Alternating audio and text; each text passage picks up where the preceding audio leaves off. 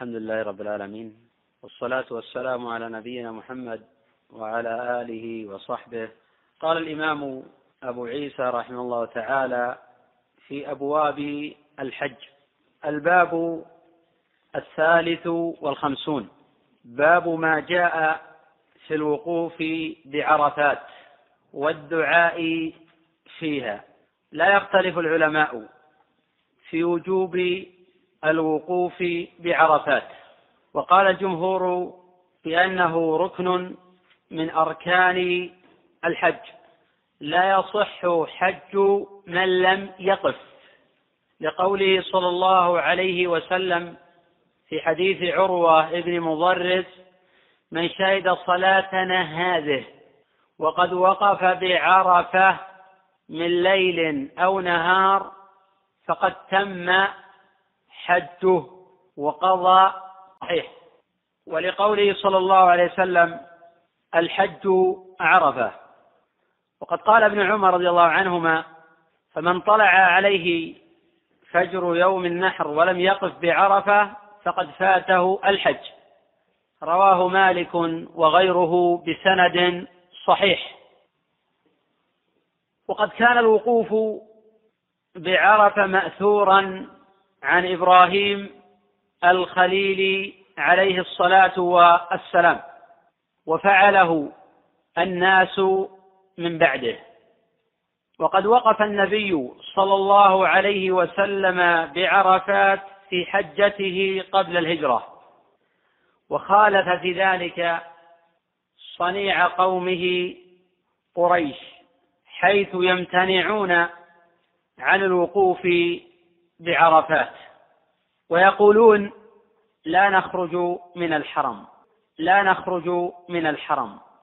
فكانوا يقفون بالمزدلفة ويدفعون عقيب ارتفاع الشمس. فخالفهم النبي صلى الله عليه وسلم فوقف بعرفات يدعو حتى غربت الشمس ثم دفع إلى المزدلفة. وبقي فيها حتى أصبح. ثم دفع قبل أن تطلع الشمس مخالفة للمشركين. وقد قال عمرو بن ميمون شهدت عمر بن الخطاب رضي الله عنه صلى بجمع الصبح ثم وقف قال إن المشركين كانوا لا يفيضون حتى تطلع الشمس ويقولون أشرق سبير وأن النبي صلى الله عليه وسلم خالفهم ثم أفاض قبل أن تطلع الشمس. رواه البخاري رحمه الله تعالى في صحيحه. وتعد عرفة مشعرا. وهذا لا يختلف فيه العلماء وهي من الحل وليست من الحرم. ومثل ذلك نمرة فهي من الحل وليست من الحرم. بخلاف مزدلفة فهي مشعر وحرم ومنى مشعر واختلف العلماء في محسر هل هو من منى أم لا؟ فقال الجمهور هو حرم وليس مشعرا وقال بعض العلماء محسر من منى وحينئذ يكون مشعرا ولا يختلف العلماء أنه حرم. قوله والدعاء فيها أي والوقوف بعرفات للدعاء.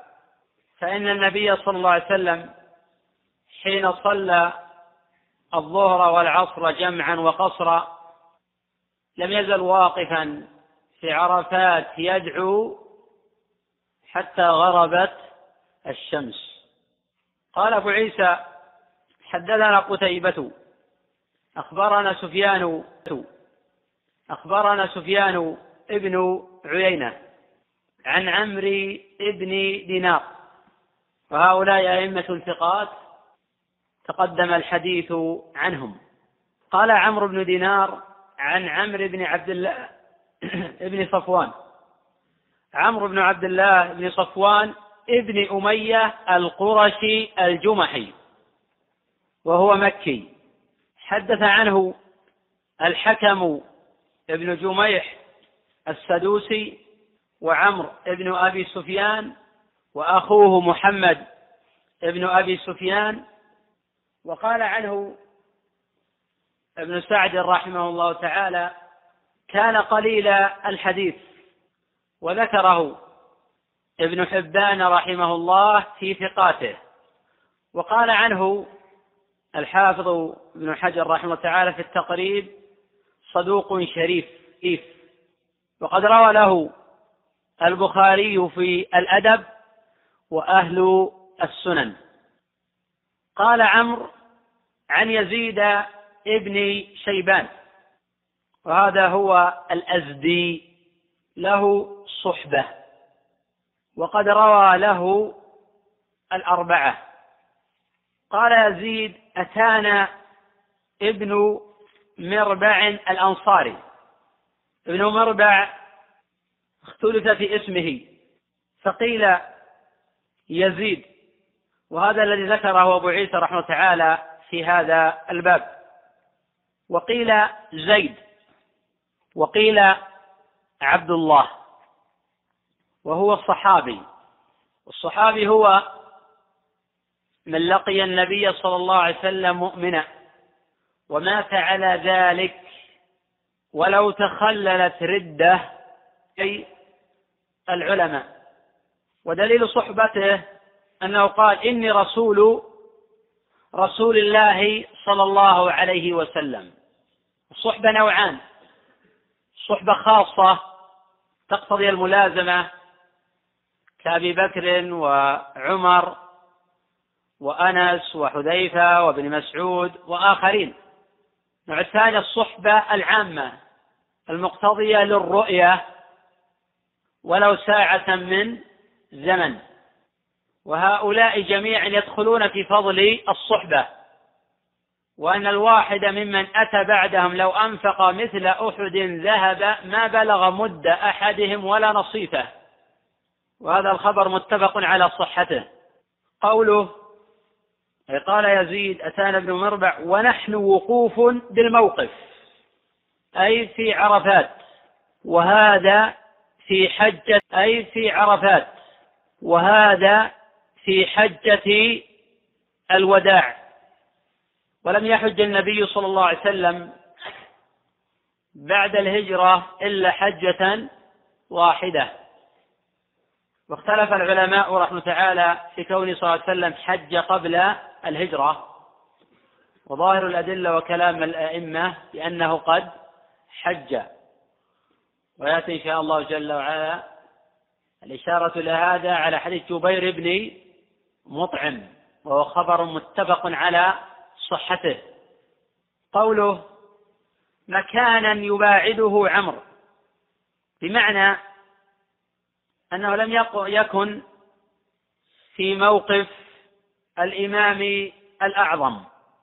وقد قال النبي صلى الله عليه وسلم وقفت ها هنا وجمع كلها موقف.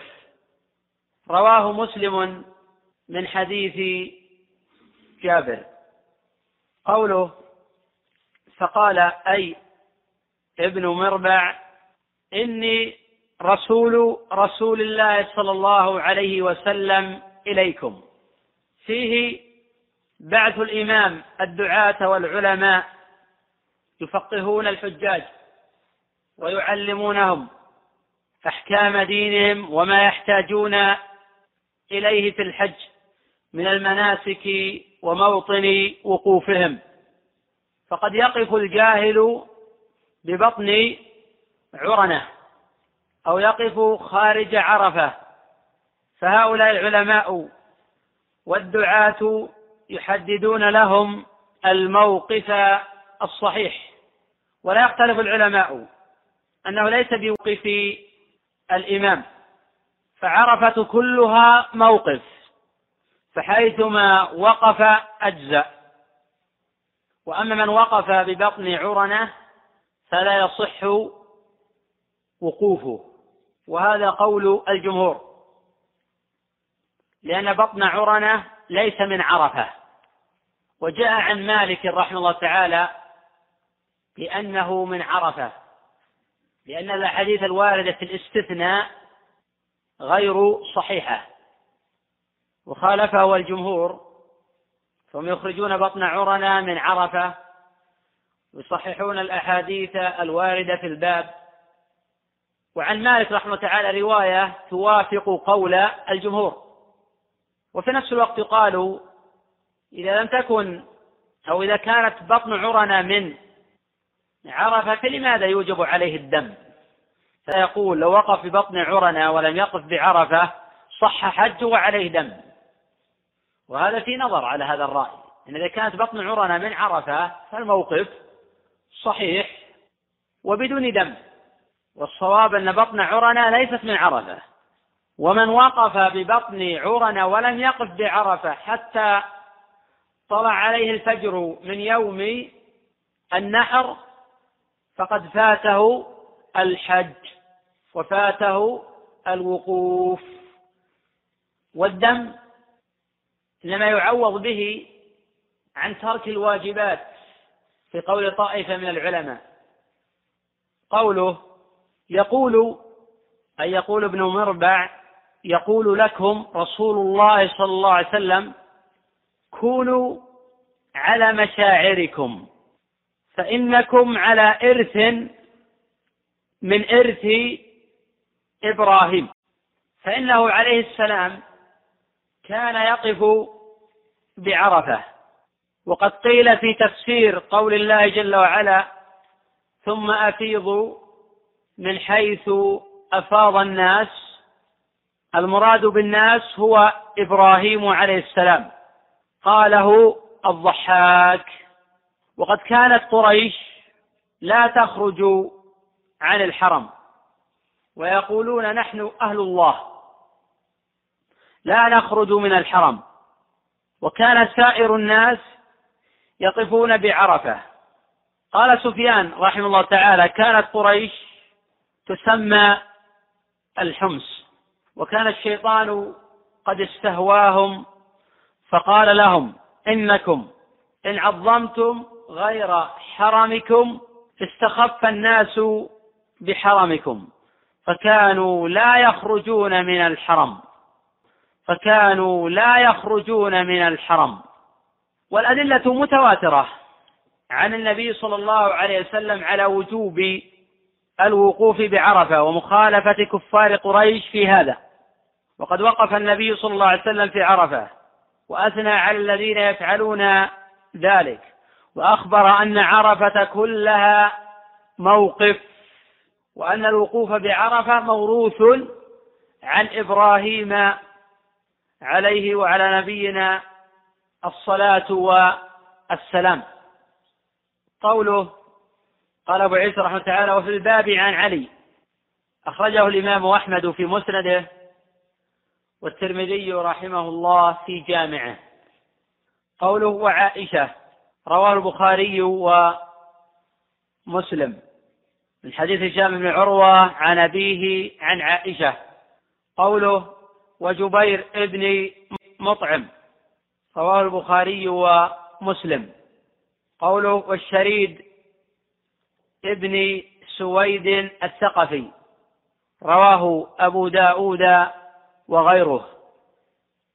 قال أبو عيسى حديث ابن مربع حديث حسن. وفي بعض النسخ حسن صحيح. قال أبو عيسى لا نعرف إلا من حديث ابن عيينة عن عمرو بن دينار. وقد رواه الإمام أحمد والحميدي وأبو داود والنسائي وابن ماجه وآخرون من طرق عن سفيان ابن عيينة. وقد صححه الحاكم وغيره ورجاله ثقات. ما عدا عمرو بن عبد الله وهو صدوق. قوله وابن مربع اسمه يزيد بن مربع الأنصاري. وقيل اسمه زيد وقيل اسمه عبد الله قوله وإنما يعرف له هذا الحديث الواحد.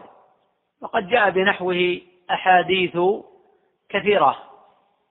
قد أشار الإمام أبو عيسى رحمه تعالى إلى شيء من ذلك في قوله وفي الباب عن علي وعائشة وجبير بن مطعم والشريد. قال أبو عيسى رحمه الله تعالى حدثنا محمد بن عبد الأعلى الصنعاني البصري. وهذا هو أبو عبد الله الصنعاني البصري. روى عنه الإمام مسلم وأهل السنن. وقد وثقه أبو حاتم وأبو زرعة. وقال النسائي رحمه الله تعالى لا بأس به. وذكره ابن وقد مات بالبصرة سنة خمس وأربعين ومئتين. قال أخبرنا محمد بن عبد الرحمن الطفاوي وهو ابن وهو أبو المنذر البصري. قال يحيى بن معين رحمه الله تعالى قدم علينا ها هنا لم يكن به بأس البصريون يرضونه. وقال علي المديني رحمه الله تعالى ثقة. وقال عنه أبو زرعة منكر الحديث. وقد أنصفه الإمام أبو حاتم رحمه الله تعالى بقوله ليس به بأس صدوق صالح إلا أنه يهم أحيانا. وقد احتج به البخاري رحمه الله تعالى في صحيحه. وروى له أبو داود والترمذي والنسائي سنة سبع وثمانين ومائة.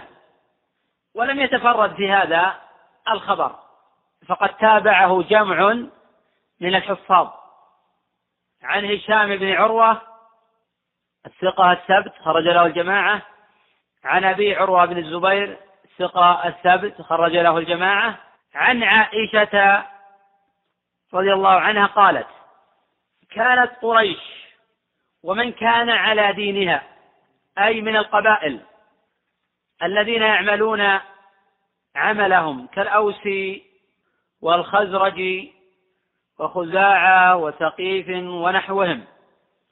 قوله أو قولها وهم الحمس بضم الحاء وسكون الميم الحمس وقد جاء في الصحيحين عن عروة قال الحمس قريش وما ولدت. قال معمر بن المثنى رحمه الله كانت قريش إذا خطب إليهم الغريب اشترطوا عليه أن ولدها على دينهم.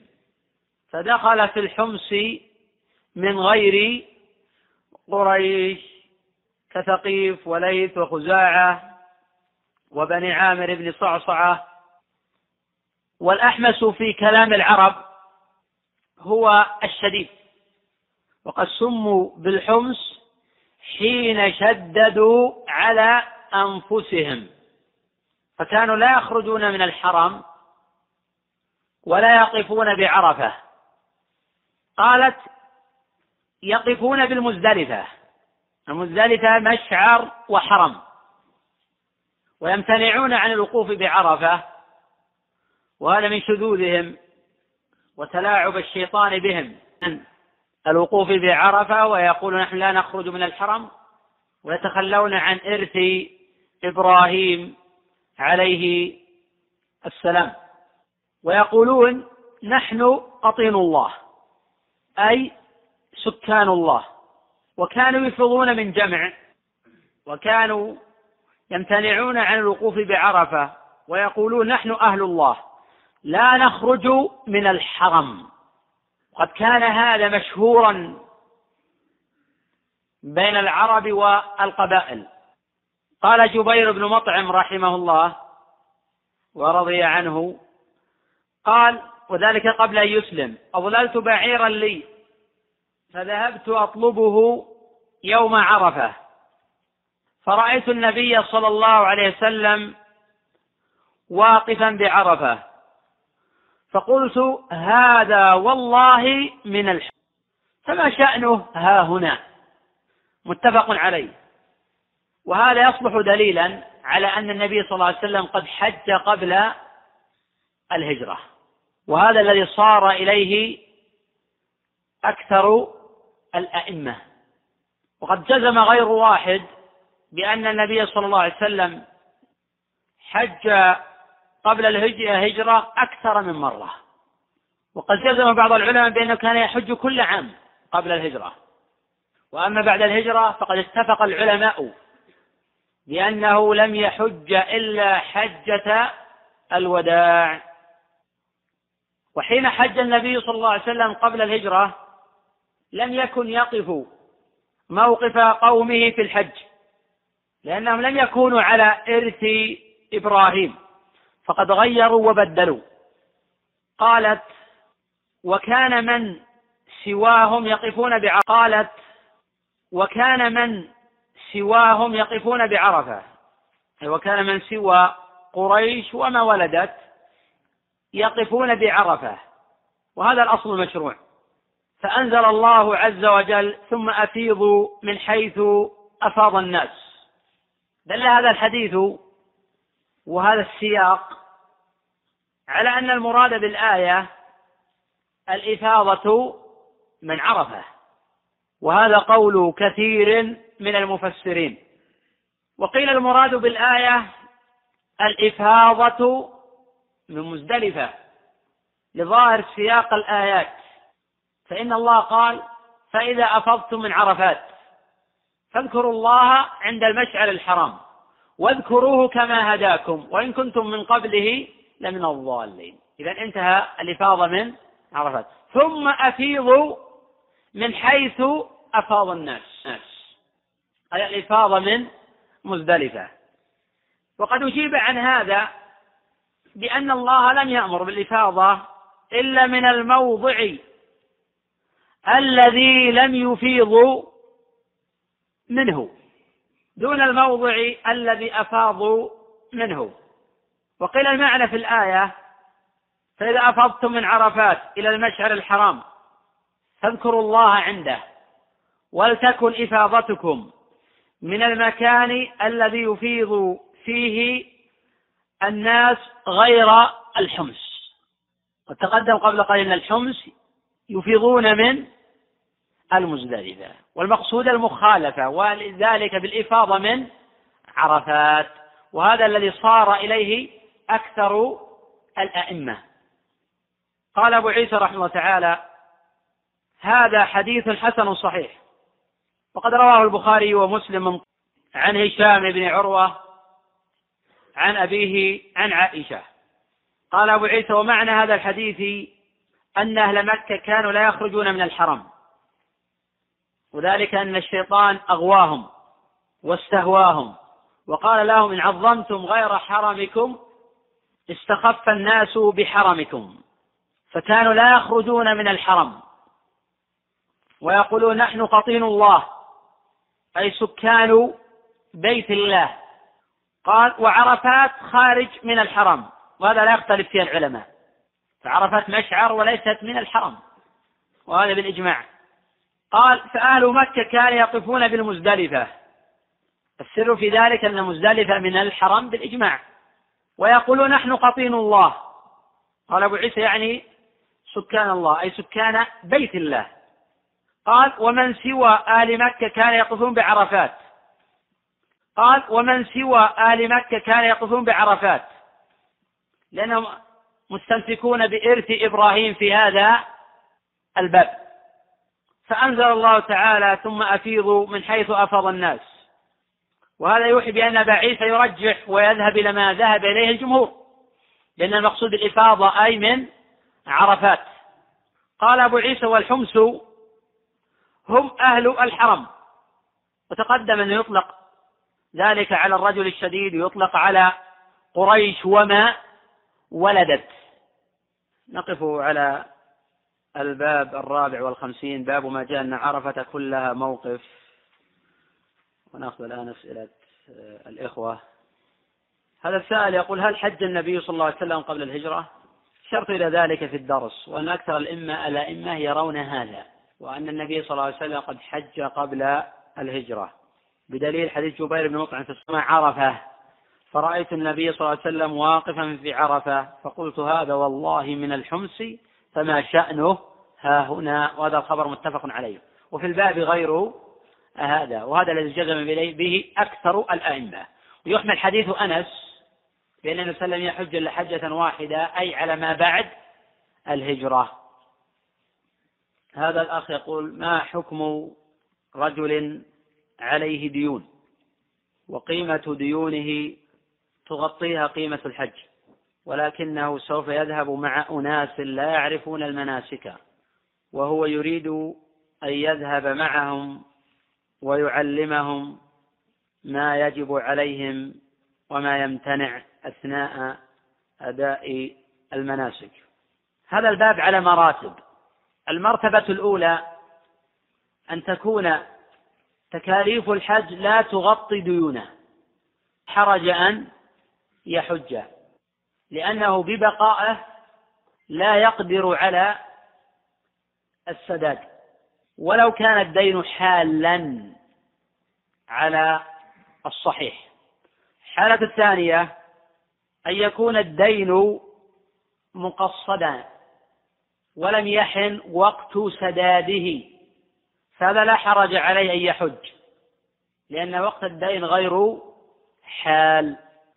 الحالة الثالثة أن يكون الدين حالا. وقيمته وهو تكاليف الحج تغطي ديونه.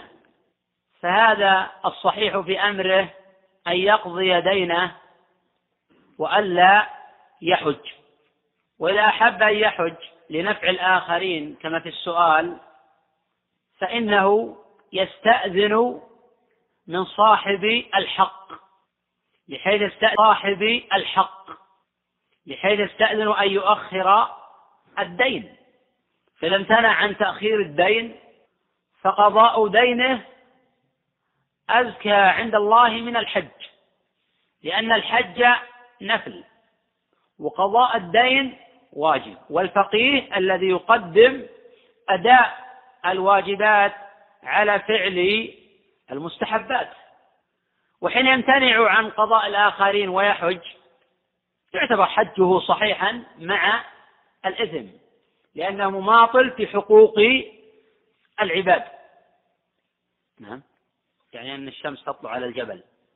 إذا خرجت الشمس على الجبل فإنهم يفيضون. فذلك يقولون أشرق سبيل أي كيما نغير.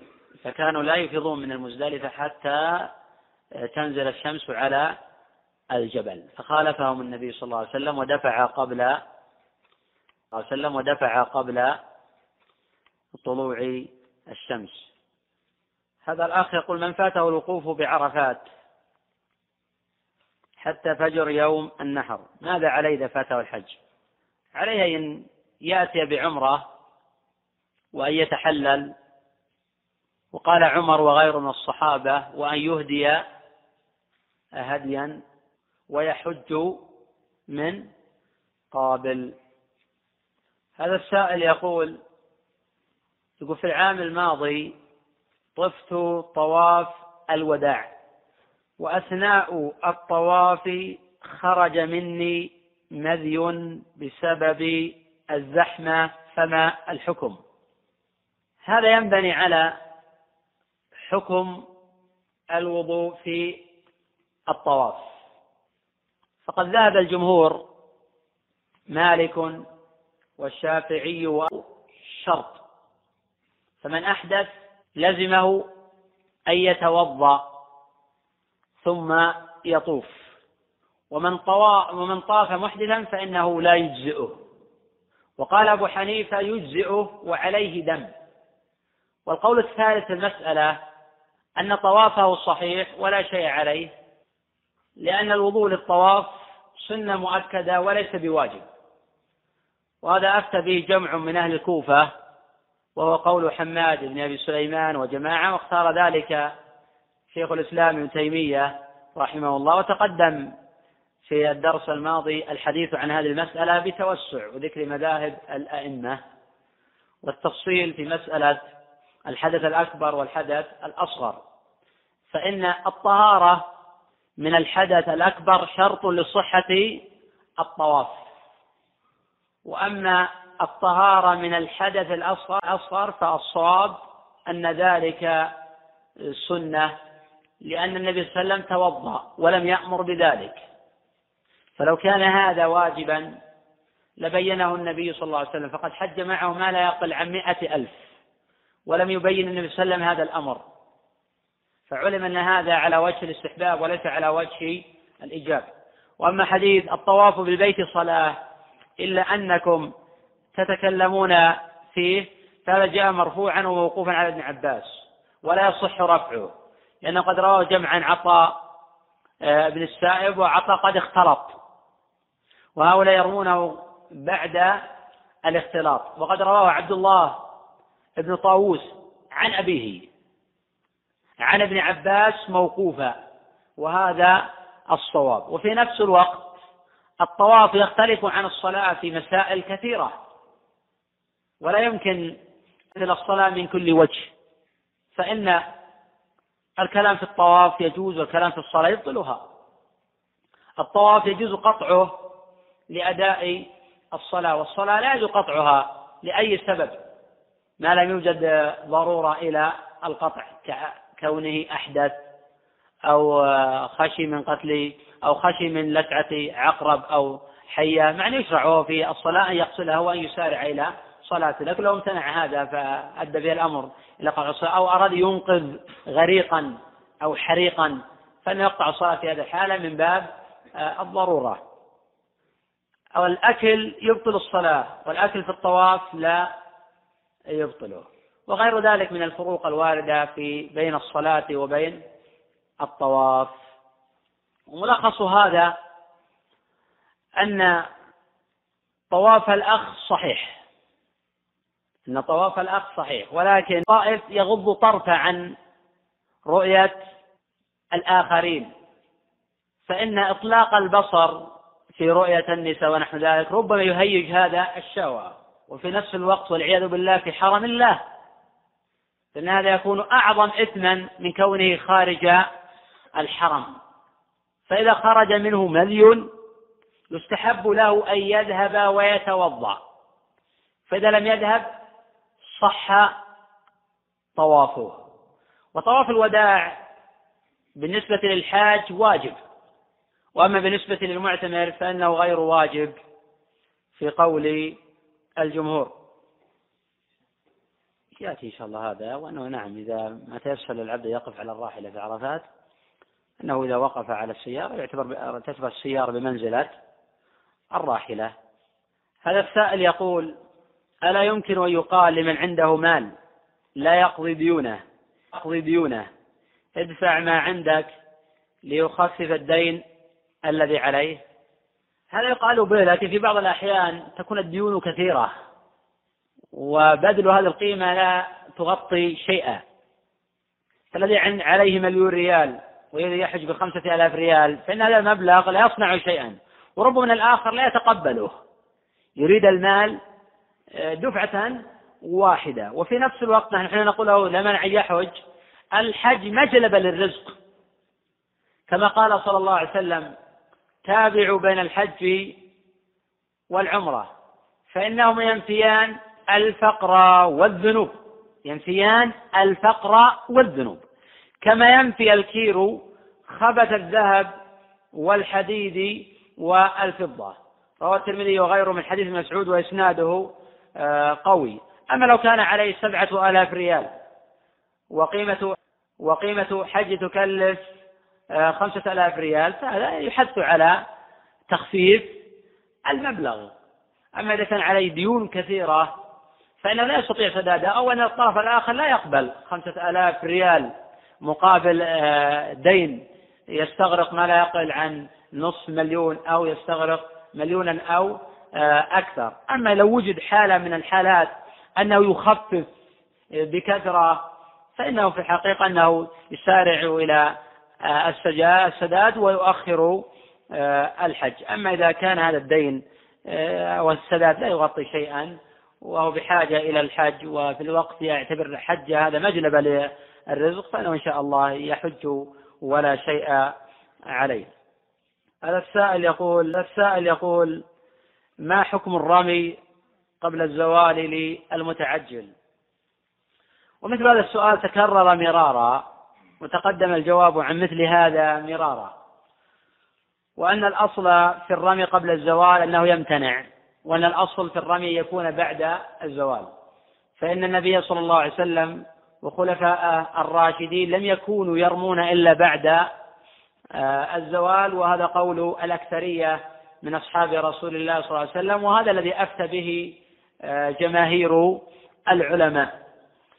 ومن رمى آه، قبل الزوال فله حالات. الحالة الأولى أن يكون بفتوى عالم فهذا لا تثريب عليه لأنه قد استفتى من يثق بدينه وعلمه وقد أفتاه.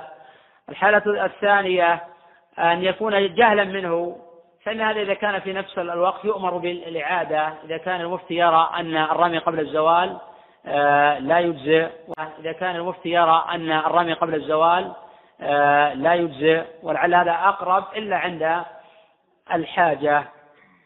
الحالة الثالثة أن يكون قد رمى قبل الزوال لحاجة. يكون قد رمى قبل الزوال لحاجة. فالصواب جواز هذا. قياسا على جواز رمي جمرة العقبة للحاجة. فالجامع واضح وهو أقوى من الفارق. فإن الصحابة رضي الله عنهم حين كانوا يدفعون مزدلفة آه، عقب غيبوبة القمر. كانوا يأتون إلى منى ويرمون والأصل في رمي جمع عقبة ألا تكون إلا عقب طلوع الشمس لفعل النبي صلى الله عليه وسلم من يوم النحر. قال جابر رمى الرسول صلى الله عليه وسلم جمرة العقبة ضحى. ومن الغد بعد الزوال رواه مسلم في صحيحه. وهؤلاء يرمون ففي دلالة أن المعذور له يرمي المعذور له يرمي قبل الوقت. يؤخذ من هذا أن المعذور له يرمي قبل الزوال. وبعض العلماء كأبي حنيفة جوز الرمي يوم النفر الأول قبل الزوال مطلقة وهذا مذهب عطاء وطائفة من العلماء. وفي قول أيضا في المسألة ومروي عن ابن عباس وجماعة من العلماء أنه يجوز الرمي قبل الزوال مطلقا. بدون قيد ولا شرط. لأن النبي صلى الله عليه وسلم لم ينهى عن هذا. وكونه يرمي بعد الزوال فهذا يفيد الاستحباب. لأن فعل المجرد لا يفيد الوجوب. ولكن جاء عن ابن عمر في الموطأ مالك عن نافع عن ابن عمر قال لا ترمى الجمار إلا بعد الزوال. فقد فهم ابن عمر منع أو من فعل النبي صلى الله عليه وسلم منع الرمي قبل الزوال. وإذا قال ابن عمر ولا في البخاري كنا نتحين احتاج إلى الرمي قبل الزوال. إذا وجد مسوغ للرمي أو عذر أو مرض أو تعجل رفقة فإنه يرمي قبل الزوال ولا شيء عليه.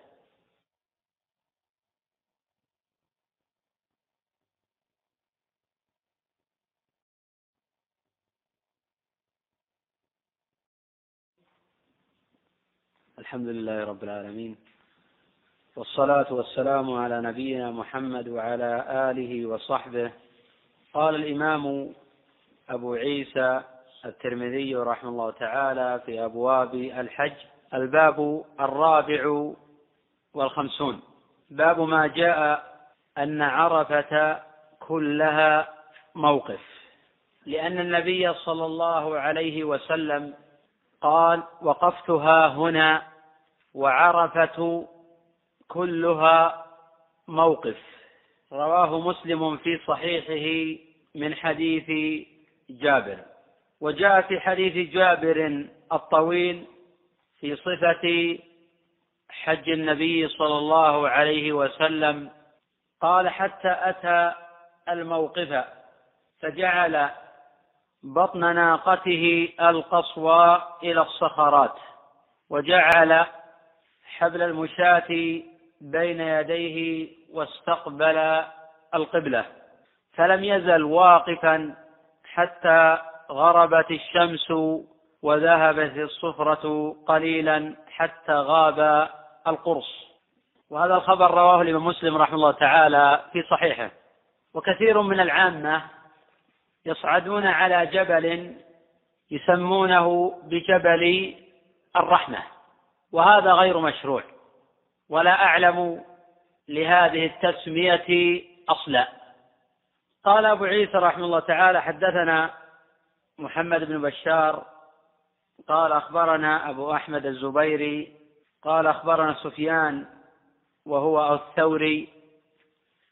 قد تقدم الحديث قد تقدم الحديث عن هؤلاء فهم أئمة ثقات. قال الثوري عن عبد الرحمن بن الحارث ابن عبد الله قال ابن معين ليس به بأس. وذكره ابن حبان رحمه الله تعالى في ثقاته وقال كان من أهل العلم. ووثقه ابن سعد والعجلي وصحح له الترمذي وابن خزيمة. وقد ضعفه أحمد وعلي المديني. وقال النسائي رحمه الله تعالى ليس بالقوي وقد تفرد رحمه الله بهذا الخبر. وفي معناه أحاديث كثيرة. ذلك حديث جابر في صحيح مسلم. قال عبد الرحمن بن الحارث بن عبد الله بن عياش بن أبي ربيعة عن زيد بن علي. وهذا زيد بن علي ابن الحسين ابن علي ابن أبي طالب. ذكره ابن حبان رحمه تعالى في ثقاته وقال رأى جماعة من أصحاب رسول الله صلى الله عليه وسلم. وكان يقول مرقت الرافضة علينا كما مرقت الخوارج على علي. وقد قتل زيد بن علي بالكوفة. قتله يوسف بالكوفة. قتله يوسف ابن عمر في زمن هشام ابن عبد الملك سنة عشرين ومائة وهو يوم قتل ابن اثنتين وأربعين سنة. قال جرير بن حازم رحمه الله تعالى رأيت النبي صلى الله عليه وسلم في المنام كأنه متساند إلى خشبة زيد بن علي وهو مصلوب وهو يقول هكذا تفعلون بولدي؟ فقد خرج له أبو داود والترمذي والنسائي في مسند علي وابن ماجه. قال زيد بن علي عن أبيه ووالده هو علي بن الحسين زين العابدين. أمه أم ولد اسمها غزالة ويقال أفضل منه. وكان مع أبيه يوم قتل وهو ابن ثلاث وعشرين سنة. وله ترجمة مطولة في السير وفي تهذيب الكمال فلتراجع. وقد روى له الجماعة ومات سنة أربع وتسعين وصلي عليه بالبقيع. قال علي عن عبيد الله بن أبي رافع وهو كاتب علي رضي الله عنه ثقة كثير الحديث خرج له الجماعة. قال عبيد الله عن علي بن أبي طالب رضي الله عنه قال وقف رسول الله صلى الله عليه وسلم بعرفة فقال هذه عرفة وهو الموقف وعرفة كلها موقف.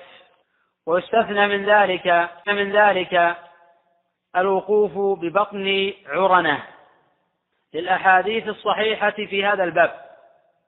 وقد اتفق الفقهاء على هذا. وقال الجمهور من وقف بعرنة دون عرفة لا يصح حجه. وهذا مذهب أبي حنيفة والشافعي وأحمد ورواية عن مالك. وحكي عن مالك أن حجه صحيح ويريق دما. والصواب الأول فإن الوقوف لا يصح إلا بعرفة وهو ركن من أركان الحج.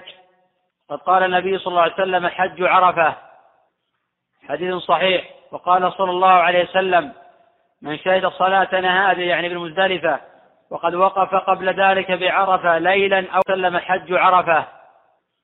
حديث صحيح. وقال صلى الله عليه وسلم من شهد صلاتنا هذه يعني بالمزدلفة وقد وقف قبل ذلك بعرفة ليلا أو نهارا فقد تم حجه وقضى تفثه. رواه الخمسة وغيرهم بسند صحيح. ويصح الوقوف بعرفة ولو شيئا يسيرا من ليل أو نهار لحديث عروة ابن مضرس. وقد أفتى بذلك الإمام أحمد رحمه الله تعالى وغيره. ويأتي إن شاء الله تعالى الحديث عن هذه المسألة وبيان الراجح من المرجوح. فقد قال بعض الفقهاء يجب الجمع بين الليل والنهار. وقال بعض العلماء لا يصح الوقوف إلا من بعد الزوال وهذا قول الجمهور. وإذا أتى عرفة بعد الزوال فحين تغاب الشمس وتذهب الصفرة ويغاب القرص فإذا دفع قبل ذلك فعليه دم. وقال آخرون له أن يقف بعرفة بعد الزوال ولو قليلا فإذا دفع قبل الغروب فقد ترك السنة ولا شيء عليه. وقال بعض العلماء يصح وقوفه قبل الزوال. وهذا تفرد به الإمام أحمد رحمه تعالى عن الأئمة الأربعة. ويأتي الحديث إن شاء الله تعالى عن هذه المذاهب وبيان الراجح من المرجوح. قوله ثم أفاض حين غربت الشمس وفي حديث جابر في صفة حج النبي صلى الله عليه وسلم فلم يزل واقفا حتى غربت الشمس وذهبت في أصح قولي العلماء. لحديث عروة ابن مضرس. قال صلى الله عليه وسلم من شهد صلاتنا هذه يعني بجمع وقد وقف بعرفة قبل ذلك ليلا أو نهارا فقد تم حجه وقضى, وقضى تفثه رواه الخمسة بسند صحيح. وقد أخذ الإمام أحمد رحمة تعالى من هذا الحديث جواز الوقوف قبل الزوال. ويحمل فعله صلى الله عليه وسلم في وقوفه بعد الزوال على الاستحباب. ويصح في هذا أن يحمل فعله في الوقوف إلى الغروب على الاستحباب بدليل حديث عروة. ويؤكد هذا أنه لو اقتصر في وقوفه على الليل على الليل دون النهار أجزأ وقد أفتى الصحابة في هذا ودلت عليه الأدلة وحكاه بعض العلماء إجماعا. ويأتي إن شاء الله تعالى الحديث عن هذه المسألة في بابها على حديث عروة ابن مضرس إن شاء الله تعالى. قوله وأردف أسامة ابن زيد في جواز الإرداف على الدابة بشرط أن تكون مطيقة. وإذا كانت غير مطيقة فلا يجوز الإرداف عليها لأن ذلك تعذيب للحيوان. وقد كتب الله الإحسان على كل شيء كما جاء هذا في صحيح الإمام مسلم. من حديث شداد بن أوس رضي الله عنه. ويؤخذ من هذا مسلم من حديث شداد بن أوس رضي الله عنه. ويؤخذ من هذا قرب أسامة من النبي صلى الله عليه وسلم. وقد كان حبه وابن حبه. ويؤخذ من هذا استحباب ملازمة أهل العلم والفضل للاستفادة من علمهم وأدبهم وهديهم وسمتهم وخلقهم. قوله وجعل يشير بيده على هيئته والناس يضربون يمينا وشمالا يلتفت إليهم ويقول يا أيها الناس عليكم السكينة. وجاء في رواية ابن عباس عند البخاري فإن البر ليس بالإيضاع أي السير السريع. سابقوا من سبق بعيره وفرسه ولكن السابق من غفر له. قوله ثم أتى جمعا فصلى بهم الصلاتين جميعا. السنة لمن دفع من عرفة ألا يصلي المغرب حتى يصل إلى مزدلفة.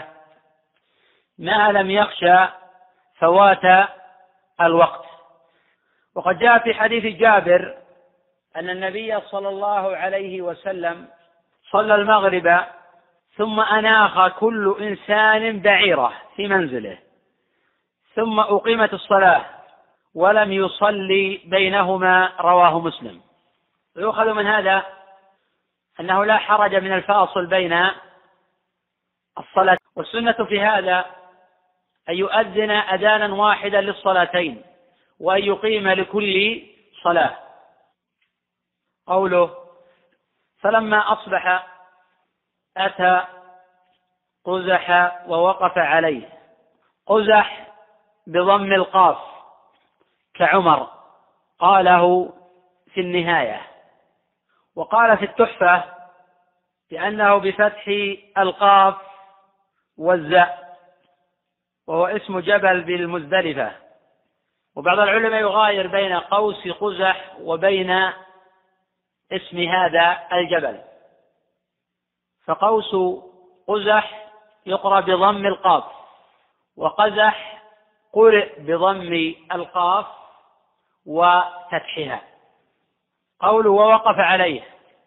وهذا السنة. قال تعالى فاذكروا الله عند المشعر الحرام. الحرام.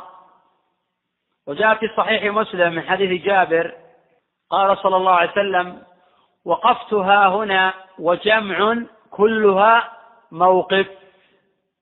قوله وقال هذا قزح وهو الموقف وجمعه وجمع كلها موقف وهذا جاء في صحيح مسلم من حديث آه، جابر.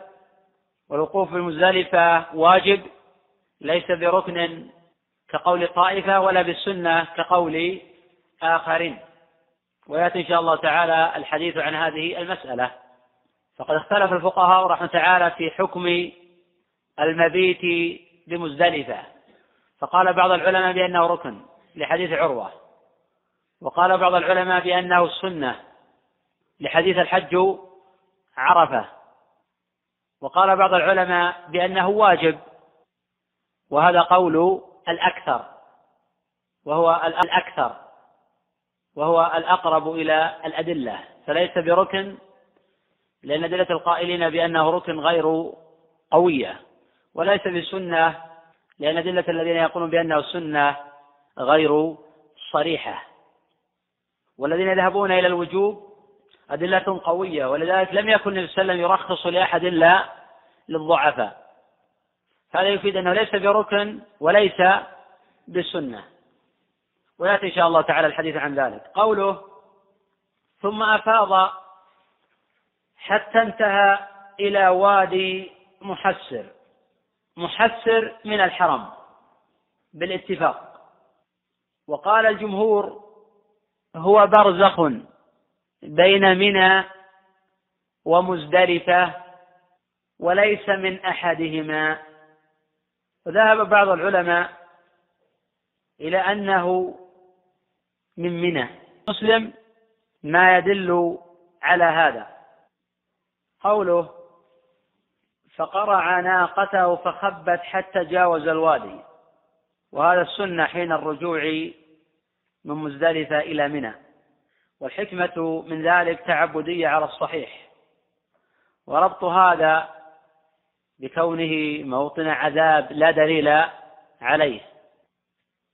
قوله فوقف وأردف الفضل يؤخذ منه جواز الإرداف على الدابة إذا كانت مطيقة. قوله ثم أتى الجمرة أي جمرة العقبة. وأفادت الروايات الأخرى فجعل منى عن يمينه ومكة عن يساره فرماها بسبع حصيات يكبر مع كل حصاه وأفادت الأحاديث الأخرى بأن النبي صلى الله عليه وسلم لم يزل يلبي يلبي حتى رمى جمرة العقبة. ولا تشرع التسمية مع التكبير. قوله ثم أتى المنحر. وهذا على الاستحباب. فإن السنة في يوم النحر أن يرتب أفعال الحج. فيرمي أولا ثم ينحر إن كان متمتعا أو قارنا ثم يحلق ثم يطوف بالبيت. ويحصل التحلل الأول برمي جمرة العقبة. قوله ثم أتى المنحر فقال هذا المنحر ومنى كلها منحر. والواجب في النحر أن يكون في الحرم. ولا يصح النحر خارج الحرم. حرج من النحر في منى أو في مكة أو في المزدلفة. قوله واستفتته جارية شابة من خدعم فيه أن صوت المرأة ليس بعورة. وفيه أنه لا بأس بكون المرأة تستفتي العلماء وتحادثهم بقدر الحاجة دون خضوع بالقول. قوله فقالت إن أبي شيخ كبير قد أدركته فريضة الله في الحج. أفيجزئ أن أحج عنه؟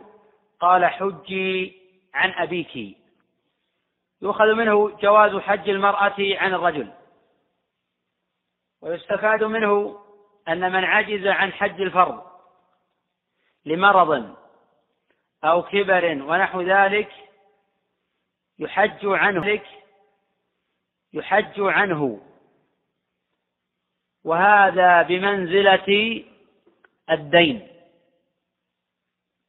قوله قال ولو عنق الفضل.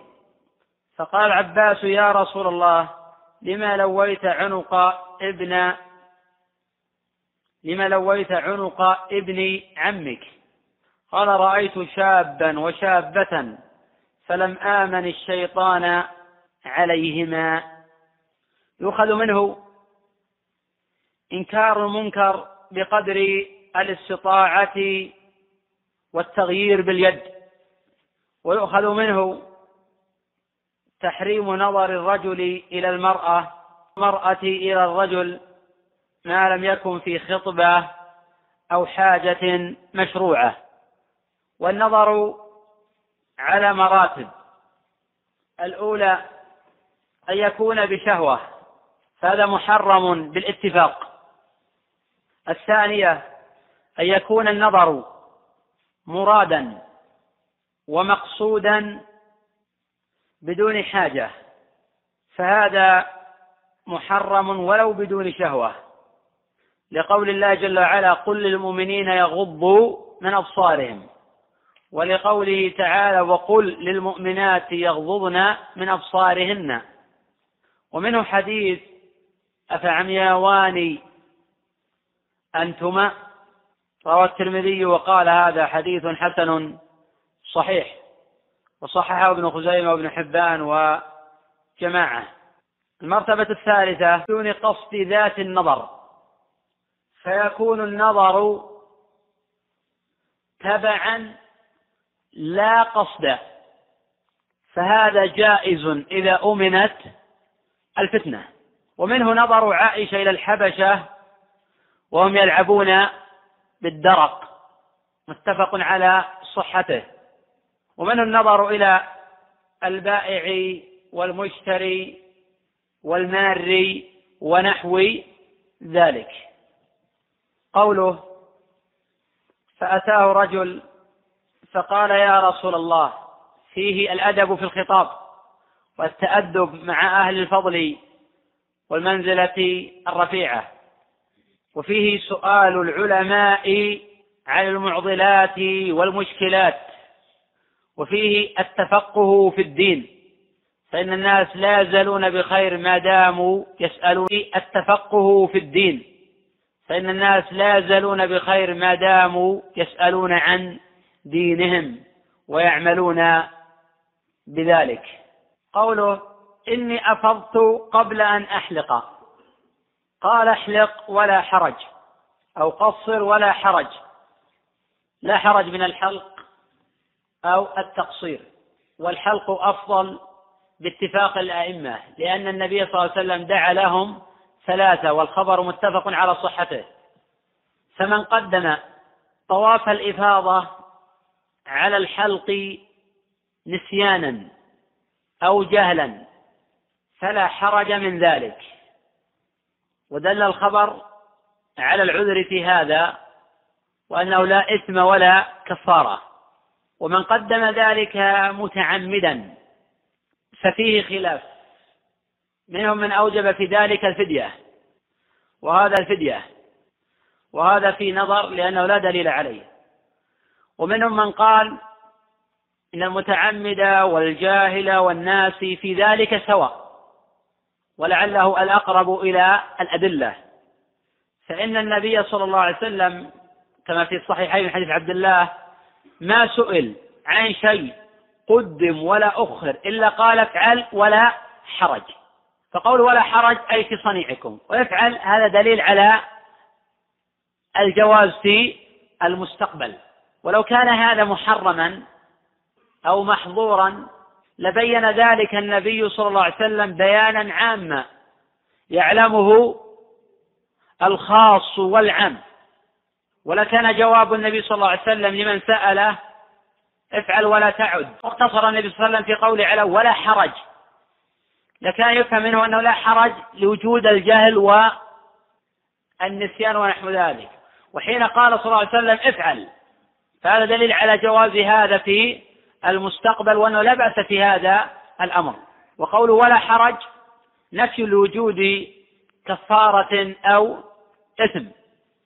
ومنه يعلم بأن ترتيب أفعال يوم النحر سنة وليس بواجب. قوله قال وجاء آخر فقال يا رسول الله إني ذبحت قبل أن أرمي. قال أرمي ولا حرج. وفي حديث عبد الله بن عمرو ما سئل النبي صلى الله عليه وسلم عن شيء قدم ولا أخر إلا قال افعل ولا حرج.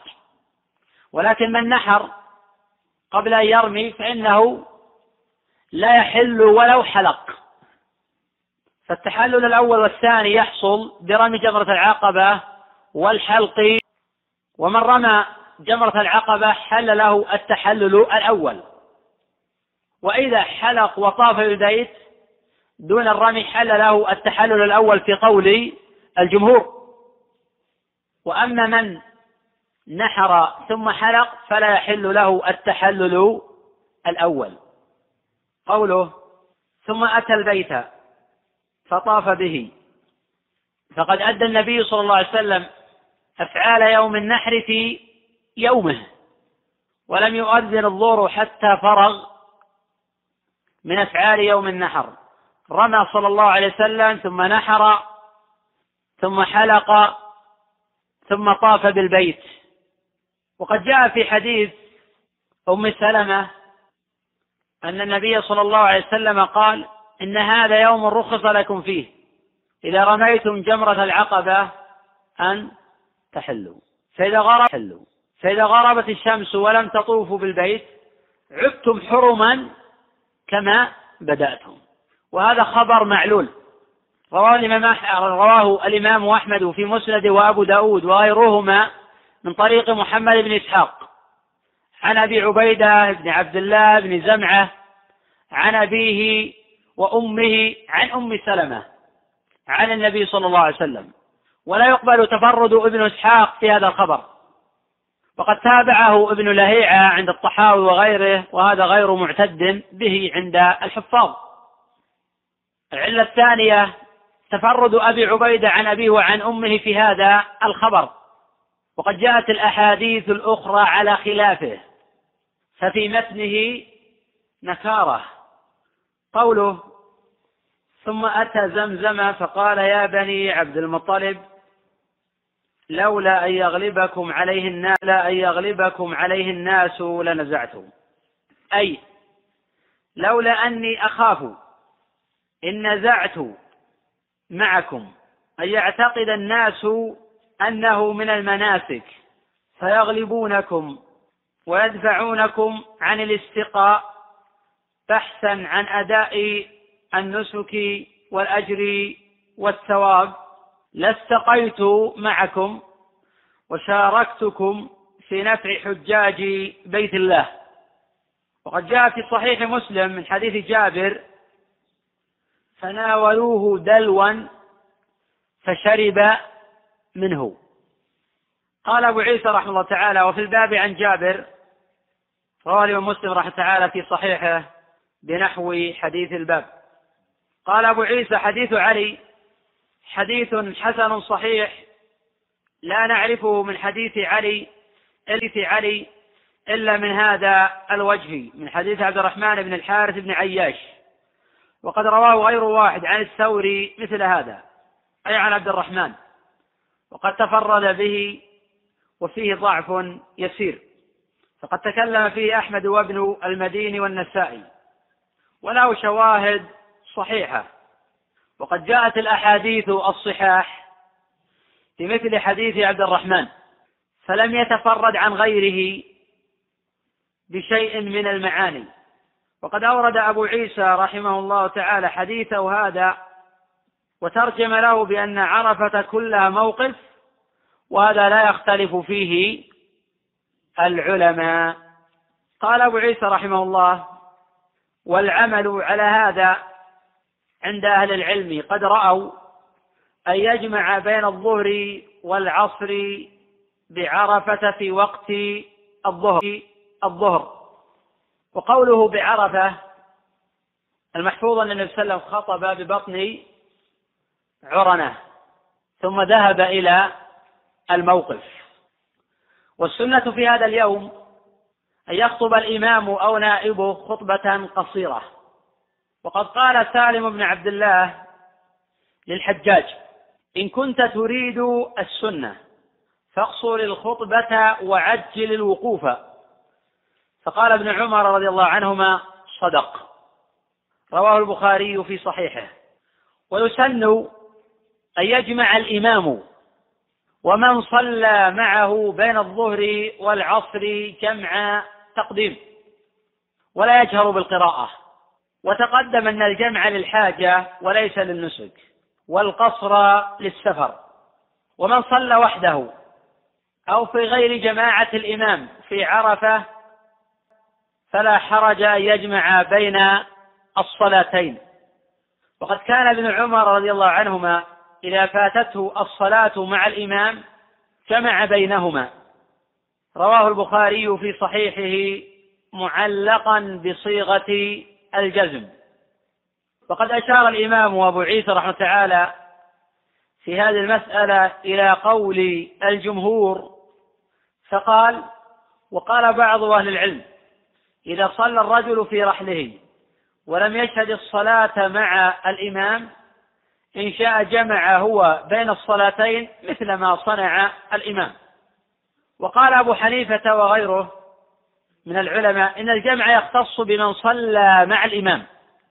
وهذا فيه نظر وهذا فيه نظر ولم يثبت عليه دليل ولا تعليل له وجه من العلم.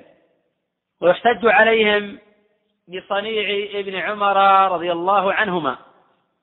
قال أبو عيسى رحمه الله تعالى وزيد بن علي هو ابن حسين بن علي بن أبي طالب وتقدم حديث عنه وقد ذكره ابن حبان رحمه تعالى في ثقاته وقال رأى جماعة من أصحاب النبي صلى الله عليه وسلم نقف على الباب الخامس والخمسين باب ما جاء في الإفاضة من عرفات.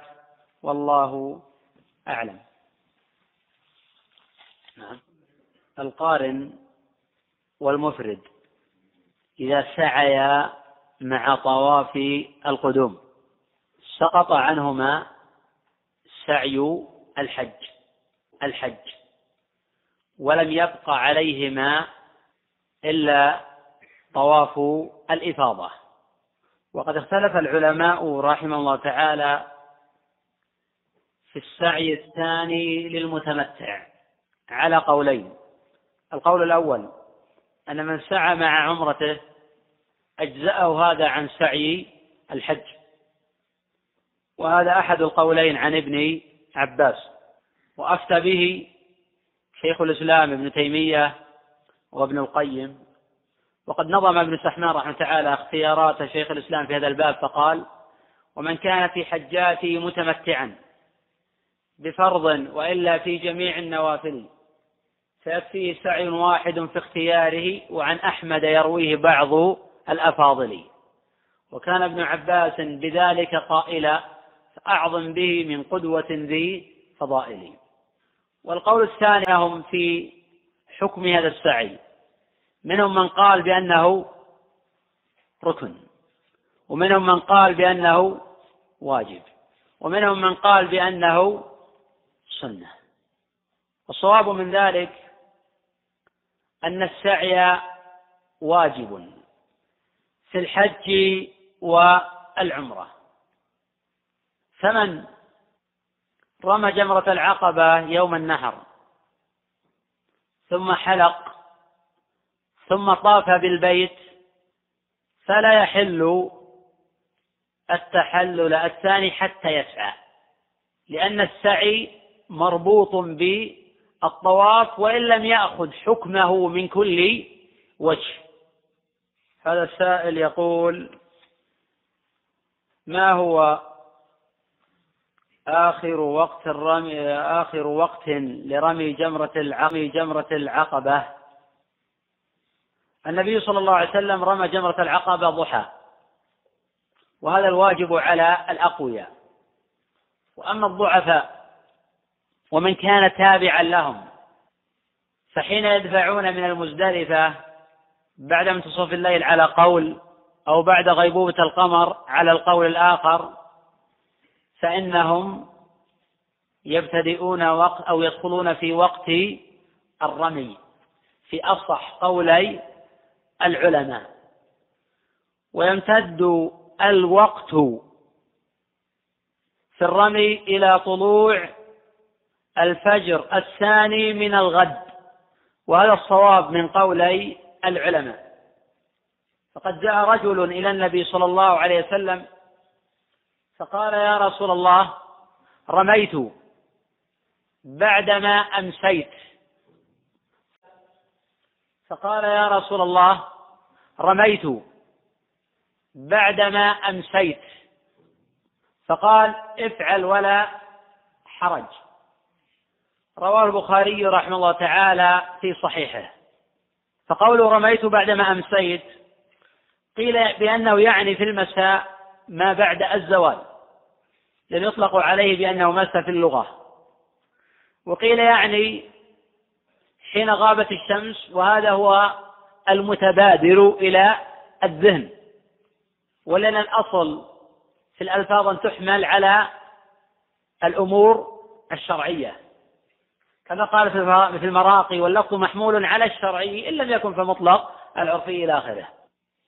وبدليل قول عبد الرحمن بن السابط كان أصحاب رسول الله صلى الله عليه وسلم يرمون ليلا رواه ابن أبي شيبة بسند صحيح.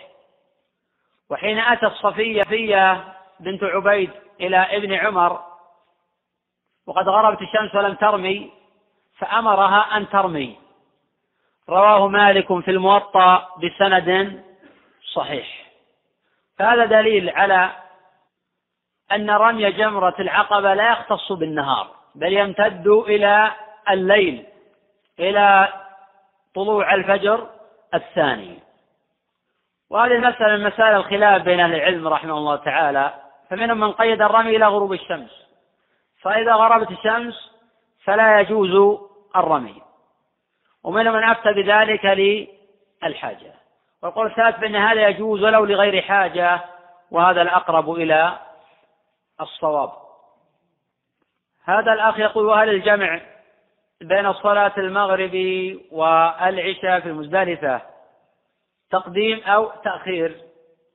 صبنا من قدم المزدلفة أو وصل في وقت الثانية.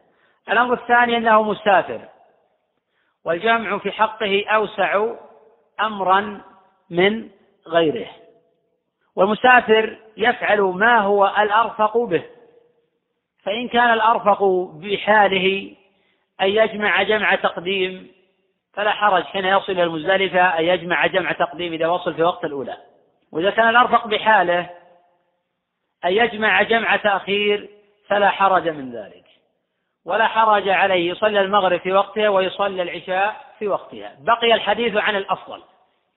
هذه الأمور المتقدمة كلها جائزة. بقي الحديث عن الأفضل. الذي يظهر من الأدلة أن من قدم إلى المزدلفة جمع والدليل على هذا أن النبي صلى الله عليه وسلم حين قدم إلى المزدلفة جمع ولكن يحتمل أن يكون قدومه في وقت العشاء. مع والدليل على هذا أن النبي صلى الله عليه وسلم حين قدم إلى المزدلفة جمع ولكن يحتمل أن يكون قدومه في وقت العشاء. وهذا وارد. ويحتمل أن يكون قدومه بين الوقتين وهذا وارد. وحين ننظر في الاعتبار وفي في الواقع فإن من سار على الدابة إلى من عرفات المشعر الحرام يصل بين الوقتين. وقد جربت هذا بنفسي وذهبت راجلا فوصلت قبل وقت العشاء بيسير والذي يكون على الدابة يكون أسرع من الراجل فيحتمل يكون قدومه صلى الله عليه وسلم بين الوقتين. وهذا إذا ثبت يؤكد أن الجمع يكون سواء قدم في وقت الأولى أو بين الوقتين. وأما إذا قيل بأنه قدم في وقت الثاني فلا لا إشكال فيه. بقي الحديث عن الجمع في من يكونون متعبين فهم بحاجة إلى الجمع الأمر الثاني أنه مسافر والنبي صلى الله عليه وسلم حين ذهب إلى تبوك كان يجمع وقد ظل في آه، تبوك ثمانية عشر يوما. وهذا خبر رواه مسلم رحمه الله تعالى. لا حرج من ذلك. إذا خشي فوات وقت المغرب فإنه يصلي بالطريق. وإذا لم يخشى فوات وقت المغرب فإنه يصلي المغرب في المزدلفة. ولو صلى في الطريق فلا حرج من ذلك ولكنه ترك السنة. نعم. الوقت الاضطراري للعشاء. الوقت الاضطراري للعشاء لأن حديث عبد الله بن عمرو بن العاص في مسلم ووقت العشاء ما لم ينتصف الليل هذا الوقت الاختياري. وما بعد منتصف الليل فإنه وقت اضطراري.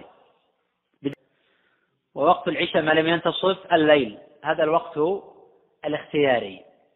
وما بعد منتصف الليل فإنه وقت اضطراري. بدليل حديث أبي قتادة في صحيح الإمام مسلم. ووقت كل صلاة ما لم يدخل وقت الأخرى. ويستثنى من ذلك وقت الفجر.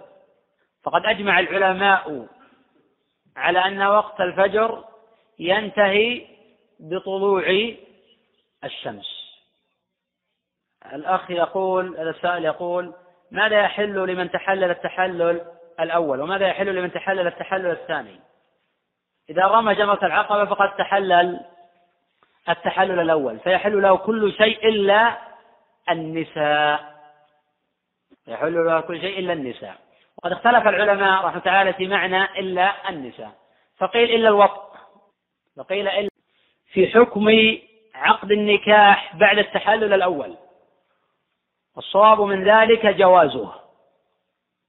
والممتنع في ذلك هو الوطء وإذا تحلل التحلل الثاني حل له كل شيء لم يكن محرما عليه قبل الإحرام.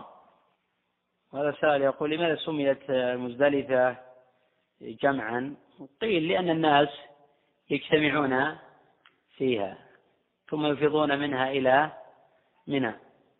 وهذا السائل يقول ما حكم من رمى جمرة العقبة من خلفها. من الجهة التي ليست من موقع الرمي. هل يقال يصح لأنه يجتمع فيها الحصى؟ أو يقال لا يصح لأنه ليس موضعا للرمي أصلا. أو يقال من كان بمكة يؤمر بالإعادة ومن رجع وفات عليه وقت الرمي يصح منه. نرجو منكم بيان ذلك.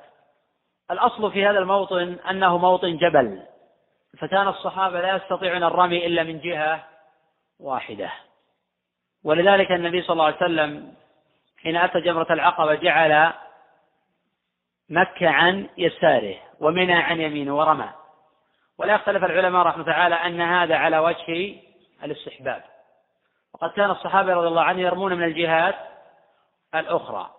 وحيث تقع الحصاة في موطن الرمي فإن هذا مجزئ. وحين أزيل الجبل وكان للناس قدرة في الرمي من كل الجهات فلا حرج من ذلك بشرط أن تكون في موضع في موضع آه، الرمي. سواء رمى من الجهة الشمالية موضع آه، الرمي. سواء رمى من الجهة الشمالية والجهة الشرقية والجهة الجنوبية والجهة الغربية فلا حرج من ذلك بشرط أن تقع الحصاة في موقع الرمي ويكفي في ذلك غلبة الظن.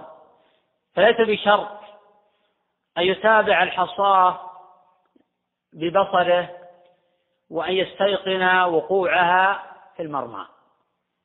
وتقدم من قبل مذهب أبي حنيفة رحمه الله تعالى لأنه يكفي في الحصى أن توجد في موضع الحصى بحيث لو أن الحصى امتد إلى مترين أو ثلاثة أو أربعة أو خمسة فرمى مع آخر حصاة أجزأ.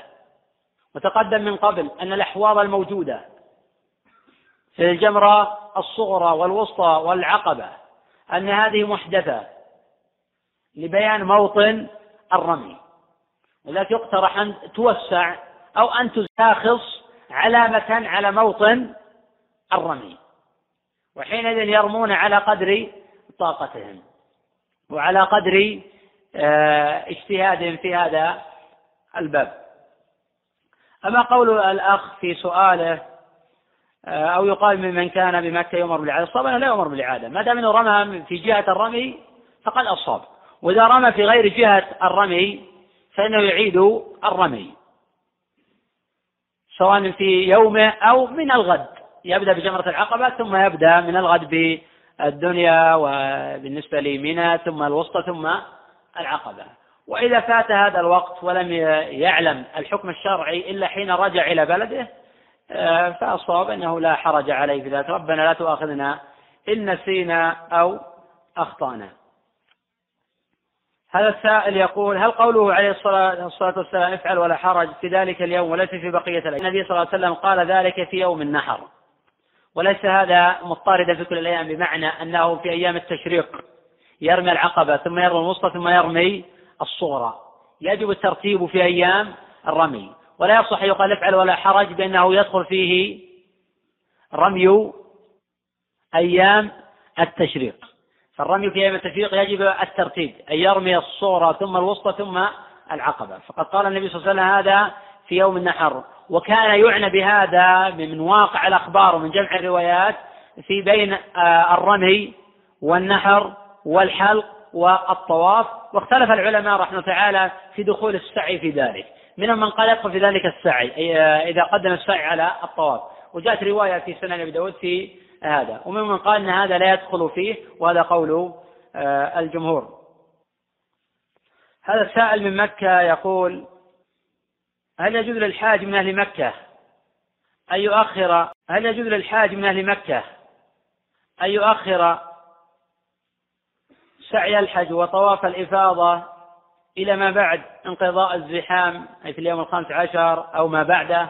نعم لا حرج من ذلك ولا حرج في ذلك ولكن لا يكون آه، ولكن لا يكون قد ولكن يكون قد تحلل التحلل الأول ولم يتحلل التحلل الثاني. فإنه لا يتحلل التحلل الثاني إلا بالطواف في البيت. والأفضل في آه، حق الحاج أن يطوف بالبيت في أول يوم لفعل النبي صلى الله عليه وسلم. وإن أخر إلى اليوم الثاني أو الثالث أو الرابع فلا حرج من ذلك. ولو أخره عن أيام الحج فلا حرج من ذلك. ولكن المسارعة إلى ذلك أفضل.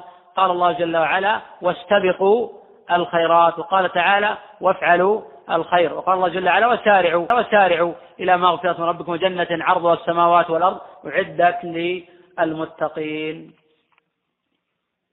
هذا سائل يقول هل خطبة الحج مقصورة في تبيين مناسك الحج أم يلزم القضية يتحدث عن مشاكل المسلمين العظمى؟ النبي صلى الله عليه وسلم لم يقتصر في خطبته على بيان مناسك الحج بل تحدث عن المرأة وتحدث عن الربا وتحدث عن بعض القضايا المهمة. فيؤخذ من هذا أن الخطيب يتحدث عن أمور المسلمين المهمة. يتحدث عن واقعهم يتحدث عن مظاهر وصور الشرك الموجودة في المجتمع يتحدث عن المناسك ويبين لهم ماذا يفعلون وعن ماذا ينتهون. فيتحدث عن المسائل المهمة التي يرى أن الحجاج بحاجة إلى مثلها. وأهم شيء في هذا الحديث عن التوحيد. وعن أمور الاعتقاد ومطلق الله على في أرض الواقع ورفع الظلم عن العباد وما يتعلق بذلك. ممكن بشرط أن تقع الحصى في المرمى لا حرج من ذلك. وقد الحصى في المرمى